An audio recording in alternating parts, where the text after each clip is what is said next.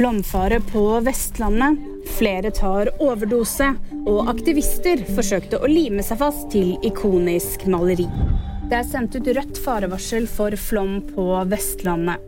Varselet gjelder frem til i morgen, og i Årdal kommune i Sogn er to skoler stengt pga. regnet.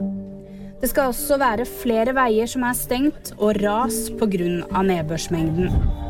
Oslo universitetssykehus har sett en uvanlig økning i overdoser i Oslo. De skriver at de oppfordrer brukere til å være forsiktige og ta vare på hverandre. De sier også at de så fem overdoser bare i løpet av noen få timer i går.